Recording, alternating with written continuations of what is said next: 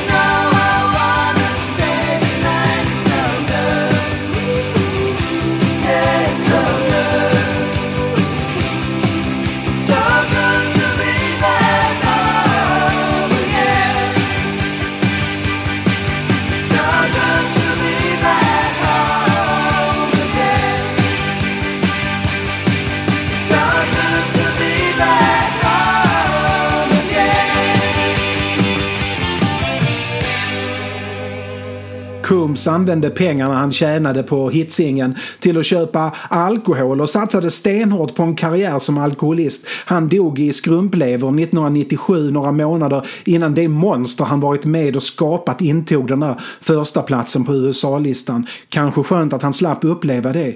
Kanske var det ändå någon sorts nåd. 15 år senare börjar skivbolaget Jive Records inse att deras främsta inkomstkällor Fresh Prince och en Jazzy Jeff och Kid Rock inte längre säljer miljontals exemplar och Will Smith verkar vara mer intresserad av att vara skådespelare än popstjärne-rapartist. A Tribe Called Quest är alldeles för konstnärliga och även om man är det mest aktade hiphop-skivbolaget av alla så kan man inte sätta in aktning på banken. Clive Calder som ägde Jive Records ville ha pengar på banken han ville ha mycket pengar på banken. Något år tidigare hade han sett Ace of Base klättra förbi hans artister. Han tyckte det var helt obegripligt eftersom de lät skit och killarna i bandet var skitfula. Inte tjejerna, men killarna i Ace of Base såg ut som själve djävulen, tyckte Calder. Men istället för att försöka kopiera det som Ace of Base gjorde, något många försökte men misslyckades med, så vände han sig istället direkt till vad han såg som orsaken till det svenska bandets framgångar, producenten Dennis Pop. Tanken var att om han satte ett gäng snygga killar i Pops händer så skulle det bli hur stort som helst eftersom ett Ace of Base med snygga killar per definition kommer sälja fler skivor än det med fula killar gjort. Calder köper Backstreet Boys för 35 000 dollar av deras manager och skickar dem till Sverige för att spela in låtar.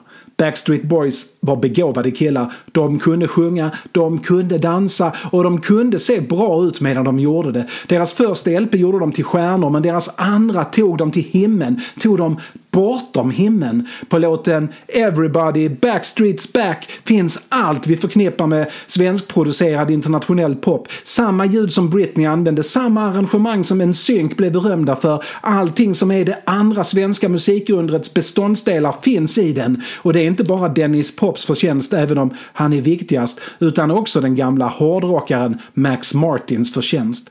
Martin tog in 80-talets hårmetall i popmusiken men lät bli att packa med sig gitarrerna. Man hör tydligt Desmond Child-influenser i musiken, man hör Bon Jovi, man hör Kiss, man hör till och med Motorhead. Martin får ta över mer och mer av producerandet för Pop blir sjuk och till slut dör 1997 men Backstreets Back hann de göra tillsammans. Men låter inte ackordföljden och de andra harmonierna i den låten lite bekant? Finns det inte något som säger det där är ju syntpop? Jo, jo det gör det kära jury. Bevis nummer ett. Backstreet Boys.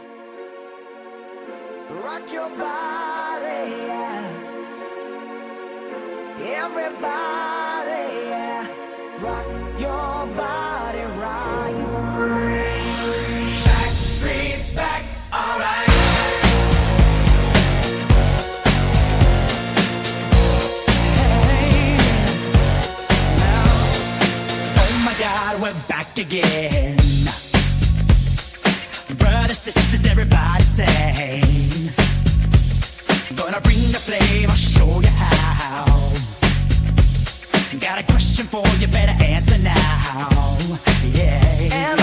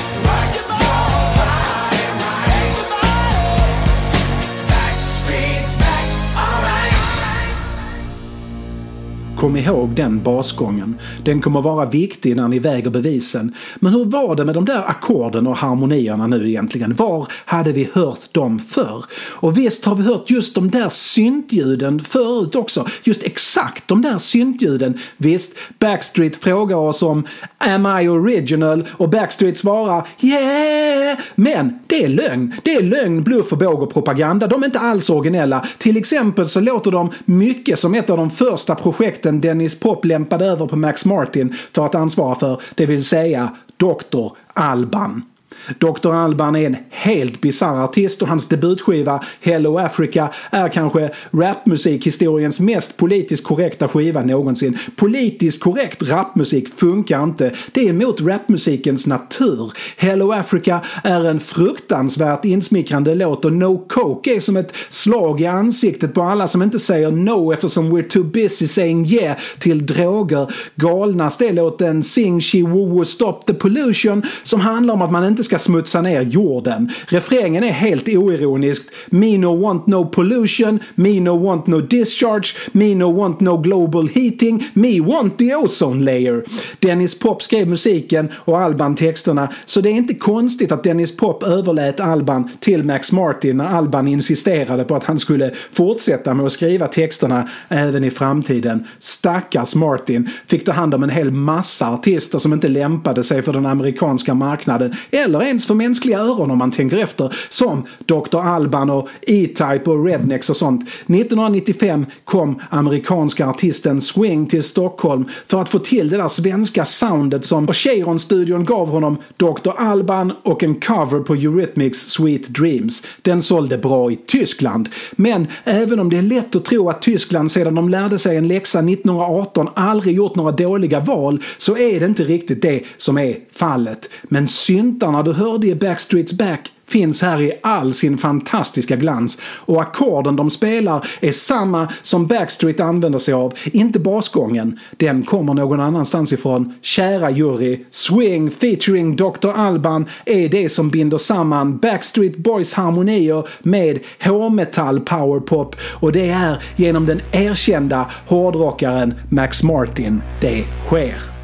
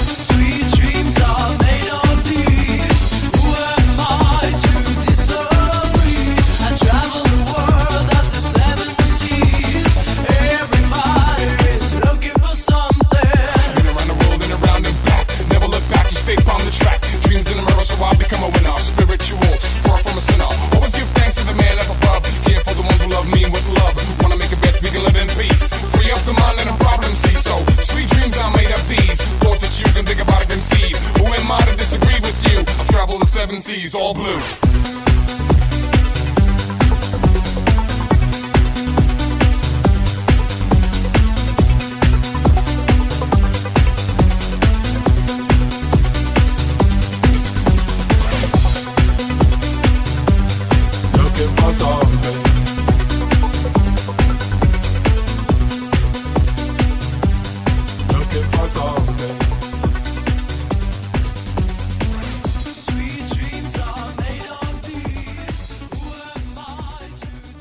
Nästa hållplats är 1988.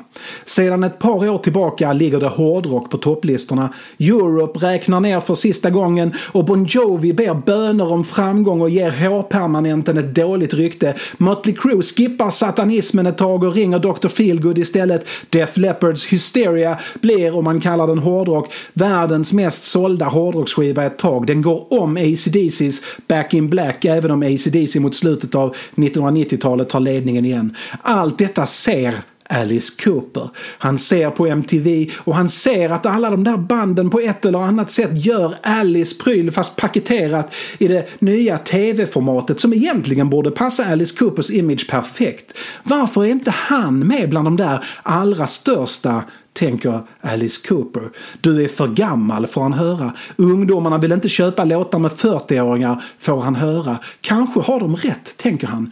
Kanske jag har mina största år bakom mig. 1973 kändes avlägset. 1975 när han gjorde solodebut kändes också avlägset. 1977 när han hade sin senaste hitlåt kändes avlägset. Han var över 40 och kunde lika gärna lägga sig ner och dö. Från tvn hör han bekanta toner. Ett intro han känner igen från en skiva han känner igen. Whitesnake. Here I go again. Den låter nyinspelad och helt vedervärdig men visst är det gamla goa Here I go again Alice hör. På tvn dansar David Coverdale omkring med sitt penis-metaforiska mikrofonställ medan en fotomodell åker lyxbil och har tunna kläder på sig. David Coverdale har tagit den fantastiska Here I go again och plockat bort John Lords orgel och Ian Pace trummor och ersatt dem med usla syntar och vad fan det än är som spelar trummor. Men det är David Coverdale. Coverdale är också runt 40. Coverdale är runt 40 och plötsligt finns det hopp även för Alice Cooper, tänker Alice Cooper. Han ringer sitt skivbolag. De har också sett Coverdale och de har gått igenom sin artistlista för att se om de också hade någon osäljbar föredetting att återlansera. Vi skulle precis ringa dig, Alice. Cooper och Epic Records bestämmer sig för att storsatsa och storsatsa innebär att ha kändisar som gästmusiker på alla låtar och på att knyta den hetaste hårdrocksproducenten av alla till sig, Desmond Child. Child var geniet bakom många av hårdrockens största singlar. Living on a prayer var den största dittills. En självbiografisk låt om när Child var fattig musiker i New York som John Bon Jovi sjöng som om den handlade om honom själv. Hans första hit var Kiss, I was made for loving you. Det var Kiss Paul Stanley som öppnade dörrarna in i hårdrocksvärlden åt Desmond Child. Det Epic lockade med var något större än hitlåtar. Epic gav Desmond Child fullständig kontroll på inspelningarna med Alice Cooper. Child pratade med Alice och Alice förklarade konceptet Alice är en rollfigur. En bra Cooper-skiva är en skiva med berättelser ur Alice perspektiv. Child förstår precis vad Alice menar och det stämmer överens med Childs sätt att ta sig an låtskrivande. Han struntar i artistens blödande konstnärliga hjärta utan han fokuserar på den roll artisten spelar på scen. Skriver han för Bon Jovi så skriver han för superhjältar. Skriver han för Ricky Martin skriver han för en latinamerikansk charmör med förkärlek för garderober, i alla fall före Martin kom ut från sin. Med Alice var det klart från början eftersom Alice visste att Alice bara var en roll. Child skriver alla låtarna på skivan Trash tillsammans med Cooper, ibland med yttre hjälp och skivan blir en kompromiss mellan Childs listmedvetenhet och Coopers mörka humor. Cooper var den som kompromissade mest på skivan eftersom den saknar nekrofili och zombies och kannibalism och galopperande alkoholism men den är inte helt utan svart ironi och sarkasm. Trash säljer två miljoner exemplar, mer än alla Alice Coopers skivor gjort de senaste tio åren tillsammans och 1989 när Trash släpps är Alice större än någonsin. Den mest spelade av låtarna är Poison som fick en video som var precis lagom vågad för att vara spännande utan att vara ospelbar på MTV. Bästa låten är titellåten vars riff är funk-grunge innan det ens var en grej. Och det är ju helt ärligt funk-grunge inte än, men om någon skulle få för sig att vilja spela funk-grunge så är låten Trash en bra början. Musikaliskt tips från mig. Vad har Cooper med Dr. Alban och Backstreet Boys att göra? Frågar ni er. Kära jury, jag vill att ni ska tänka på två saker. För det första, ackorden i Everybody Backstreets Back är samma som i Dr. Albans cover på Sweet Dreams. För det andra, Max Martin var hårdrockare. Det finns inte en chans att en hårdrockare 1989 undgick Alice Coopers Trash. Inte en chans. Den andra låten på Trash är den för vår undersökning mest intressanta. Den heter Spark in the Dark. Två saker gör den intressant. Dels så har den samma basgång som Backstreet Boys använder sig av på Everybody Backstreet Back och dels Dels så är det samma låt som Eurythmics Sweet Dreams Are Made of This. Det är alltså dags att återvända till Annie Lennox och Dave Stewart. Nu reser vi ytterligare lite tillbaka. Året är 1981. The Tourist finns inte längre men det nyss inledda låtskrivarsamarbetet mellan Lennox och Stewart finns kvar. De är inte ett par längre men det betyder inte att de inte kan skriva musik ihop. Till att börja med försöker de utforska de musikaliska marker som Pete Coombs gav sig på innan alkoholen och pressen från skivbolaget att skriva en hit med en hookig hook som ungdomarna kunnat tralla med i blev för mycket för Combs, The Tourists mörka sida som syntes på deras sista skiva lite grann. Det som Coombs hela tiden pratade om sen de hittade henne var hur Lennox röst mötte den kompakta depressionen med små ledtrådar om soul och liv och lekfullhet. Lennox och Stewart kallar sig Eurythmics för om ordvitsar dög åt The Beatles så måste det duga åt dem också. Lennox vägrade dock att sätta ett the före Eurythmics hur mycket Stewart än såg sig som the Eurythmics och det var ju för väl. På scen tar Lennox över helt och hon utvecklar sin scenpersonlighet medan Stewart utvecklar sitt syntspelande och introverta gitarristspelande och allt de tjänar plöjer de in i nya instrument och bättre utrustning. De kan ta över The Tourist skivkontrakt som de kan gå direkt in i studion för att spela in sin debut-LP. In the Garden är inget annat än enastående och med tanke på hur fantastisk den är så hade Eurythmics otrolig tur när den floppade totalt. Den säljer inte mer än ett par hundra exemplar när den kommer 1981. Tillräckligt lite för att de inte ska fortsätta på den musikaliska inriktningen som de siktade på på In the Garden men samtidigt tillräckligt mycket för att de inte ska ge upp. På In the Garden spelar de med studiomusiker och gästartister från Londons, New York och Berlins mest kulturella kretsar. Men de har inte råd till att göra det med uppföljaren. Det är ekonomiskt nödvändigt för dem att bli en duo fullt ut och att göra det mesta på syntar. Men även om In the Garden inte blev en succé 1981 så innehåller den världens bästa poplåt. Så vi återkommer till den när det här målet är över, när det är avslutat, när domen är avkunnad. De är inte på gott humör. I alla fall inte Lennox. Hon hade alltid tänkt att den som inte är popstjärna innan hon fyllt 30 kommer inte att bli popstjärna och 28 var onikligen på fel sida av 25 för att det skulle kännas helt tryggt. Även om det var roligt att skriva musik med Stewart så saknade de båda den där förmågan att skriva en refräng som fastnade i människors huvud och det var inte aktuellt att be Pete Combs om hjälp eftersom han var alldeles för upptagen med att hålla sin promillehalt stabilt över 1,8.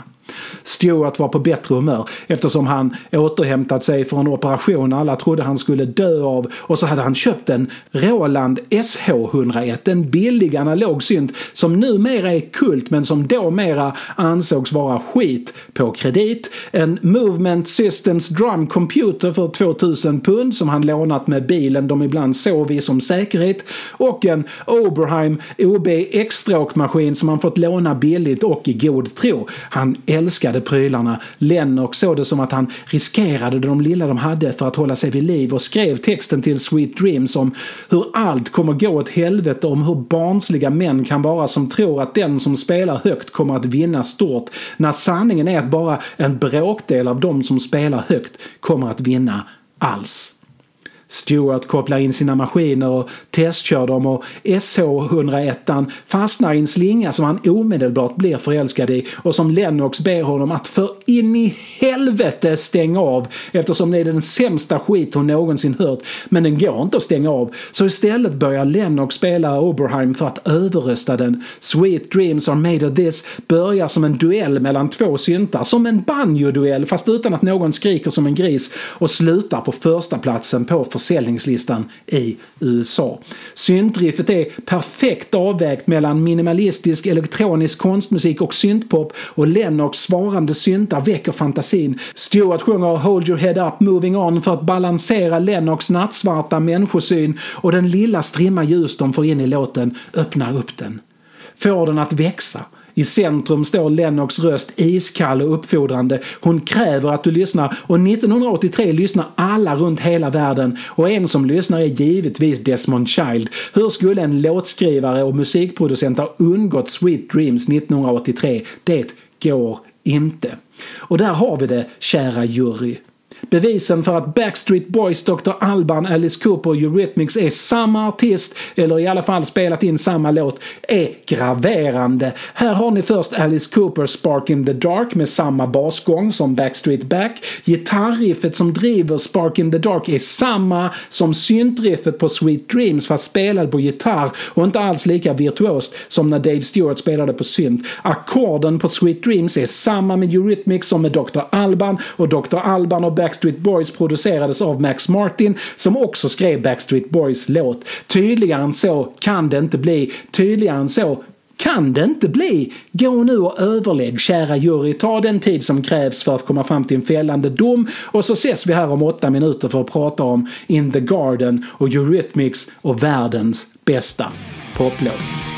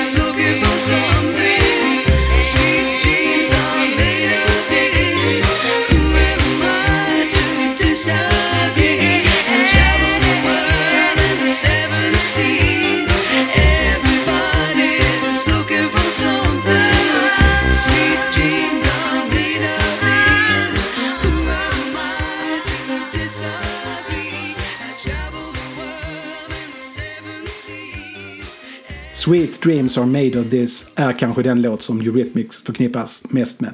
En av synterans största låtar och med den lyckas Lennox och Stewart vara i exakt samklang med den musikaliska tidsanda som rådde 1983 utan att för den saken skulle bli opersonliga. Om ni lyssnar på den igen så tänk på Lennox uttal för där är en annan sak som man kan ta till sig ett bevis. När någon artist säger att de är jätteäkta och självlärda och kommer från underground och så vidare och de uttalar i som ett E och S som ett Z. Made of these då är det någon som har tagit jävligt många sånglektioner för det är en dead giveaway på en skolad röst. Hur som helst. De lyftes fram som syntmusikens främsta ett tag. Konstnärlig popmusik som Bowie i Berlin fast som faktiskt sålde skivor istället för som Bowie inte sälja halv sju. Det ledde till att deras debutskiva In the Garden började få dåligt rykte. Den som köpte den för att de gillade syntbriljansen på Sweet Dreams måste ha blivit besviken och den som kanske hade kunnat uppskatta den 1983-84 köpte den inte eftersom vi inte hade någon anledning att misstänka att den skulle innehålla något annat än syntpop fast utan utan singelhits. Eurythmics följer upp Sweet Dreams med skivan Touch. Det är fortfarande 1983 och eh, de har bättre maskiner och mer tid i studion och det hörs. Det är fortfarande bara syntar och trummaskiner och Lennox varma och ibland kyliga samtidigt röst. Om Sweet Dreams var innovation så är Touch perfektion. Tillsammans med Depeche Mode samtidigt puttar de syntmusiken mot mer komplexa och mörka platser. På 1984, från 1984, soundtracket till filmen 1984 låter de nästan mer som Depeche Mode gör på Some Great Reward än vad Depeche Mode själva gör på Some Great Reward. När de släpper Be Yourself Tonight 1985 får de mycket uppmärksamhet för att de är det där syntbandet som plockar fram gitarrerna och breddar sin ljudbild och visst, så kan man se det. Men då missar man att Eurythmics aldrig var ett syntband till att börja med och att In the Garden är en renodlad skitig jävla gitarrdriven LP. Men ingen pratar om den. Inte ens Eurythmics bryr sig om att In the Garden står osåld och oälskad i skivaffärens reaback medan Motown soulrocken på Would I Lie To You och Sisters Are Doing It For Themselves blir alla radioapparaters favoritlåtar och There Must Be An Angel krossar allt motstånd på hitlistorna i Europa och USA.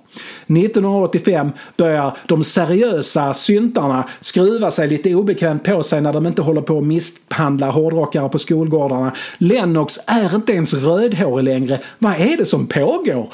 Året efter blir det ännu värre. 1986 berättar Alan Wilder och Martin Gore nästan lite skamset att de använder sig av äkta, riktiga sexsträngade gitarrer på den kommande skivan med Depeche Mode och miljoner sneda luggar darrar i skräck. Hoppfullt sneglar de mot Eurythmics som förhoppningsvis bara var lite vilsna på Be Yourself Tonight. Men visst måste de ha hittat tillbaks till flocken nu när de släpper sin Revenge, den sjätte LPn på sex år. I juni kommer den första singeln. Miljoner syntare väntar med spänning. När dog syntpoppen? Många skulle säga att det var med Depeche Modes konsert på Rose Bowl i Los Angeles och skivan och filmen 101 därifrån. Alltså 1988 i så fall. Sedan återuppstår den elektroniska musiken på olika sätt även i Depeche Modes händer. Men Rose Bowl är ändå syntens Blaze of Glory, kan man tycka. Fel. Synten dog i alla syntares hjärtan när de skaffade sig Eurythmics nya singel och la den på skivtallriken eller stoppade in den i CD-spelaren om man var modern. Och det som möter dem när de trycker på play eller släpper ner nålen är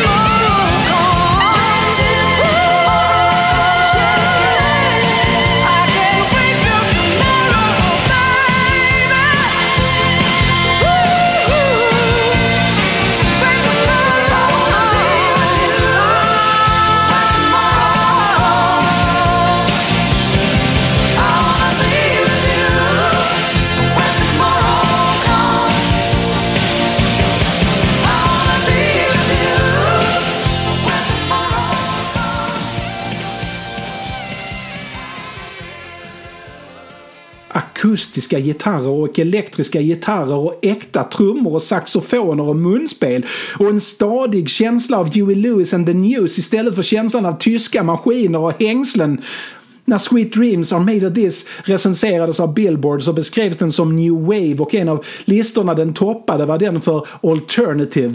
Revenge är en rockskiva, en powerpop-skiva, mästerliga låtar och mästerliga musiker. When Tomorrow Comes låg inte på några listor för New Wave eller Alternative. Nej, den låg etta som Mainstream Rock. Revenge är Eurythmics största försäljningssuccé och de verkade ta beskyllningarna om att sälja ut och svika sina ideal med ro. Dels hade de miljontals pund att trösta sig med och dels så var de sanna kärnan i sitt koncept. En instrumental dysterhet som fylls med Lennox röst och liv. Det var egentligen klara med att göra det där med syntmusik redan 1983. Ändå lyssnar de på kritiken och 1987 lanseras deras skiva Savage som en återgång till syntrötterna. Hade synten varit rötterna hade det säkert kunnat stämma men det hindrar den inte från att vara en återgång till något annat. Savage är en återgång till den ohämmade konstnärligheten de hade innan hitlåtarna stakade ut vägen. Det vill säga att Savage är mer en återgång till det de gjorde på In the Garden än det de gjorde på Sweet Dreams. Savage blev en försäljningsmässig besvikelse och 80-talets sista LP för Eurythmics, We Two Are One, blev både ett fiasko i försäljningen och vad gäller kreativitet och nyskapande. Bandet splittrades, de gick åt olika håll. Lennox blev superstjärna och Dave Stewart blev den hetaste producenten på den brittiska producenthimlen. Han har producerat allt från den hårdaste hårdrocken till den töntigaste tuggummipoppen och det är med ett bibehållet unikt Stewart-ljud. Sedan 2008 har han producerat allt Ringo Starr släppt på skiva och Starr kallar honom den mest begåvade gitarristen och låtskrivaren han jobbat med. Och Ringo har ändå jobbat med många begåvade, till exempel Vinnie Poncia som skrev Kiss I was made for loving you tillsammans med Paul Stanley och Desmond Child så det går inte att säga att Ringo bara jobbat med dåliga gitarrister och mediokra låtskrivare i sin karriär. 1999 återförenas Eurythmics och med I Save the World Today säljer de mest av alla en sista gången, sista gång hittills. Men att sälja mest är inte samma som att sälja bäst. Och det bästa de sålde finns på deras första skiva in the Garden. På In the Garden spelar Clem Burke från Blondie trummorna och det hörs för det finns ett distinkt blondisk driv i dem. Det är disco och punk om vartannat ofta samtidigt. 1981 spelar de britpop som britpop lät 1994 och i den är trummorna centrala. De flesta andra instrument spelar Lennox och Stewart men de smyger in blåsinstrument här och där. Och när det tutas i tutor så är det Marcus Stockhausen som blåser. Stockhausen är den Stockhausens son och den Stockhausen var en människa som Stewart dyrkade med närmast religiösa övertoner. Det är för övrigt Clem Burke som spelar trummorna på Revenge också men där låter han mer som vilken annan högbegåvad rocktrummis som helst. Varenda låt på In the Garden är bråkig och kantig och besvärlig och ofta bländande vacker mitt i oljud och märkligheter. Lennox röst tar våra händer och leder oss genom en meditation i ljudlandskap som låter mer progrock än syntpop men som ändå inte har de lite mossiga kvaliteter som Peter Gabriel och Robert Fripp odlade i början av 80-talet. Tidlöst. Vilken låt är då världens bästa? Det skulle kunna vara inledande English Summer som sätter tonen eller den hårdrockande hårda rocken i maniska Caveman Head som visar att gotrock kan vara minst lika gotisk utan gotiken. Man kan inte annat än älska All the Young People of Today tillsammans med den märkligt öppet Satisfaction-plagierande Never Gonna Cry Again som framstår som en mystisk blandning av Angelo Badalamenti's soundtrack till Twin Peaks, Chris Isaacs Wicked Game och av alla jävla saker Transvision, Vamp, bandet man verkligen inte behöver påminnas om.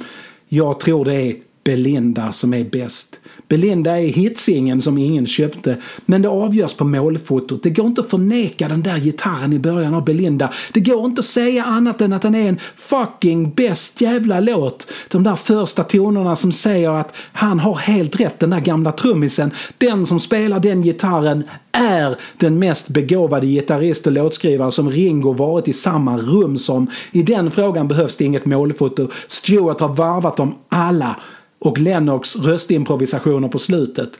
De är, ja de är meningen med livet.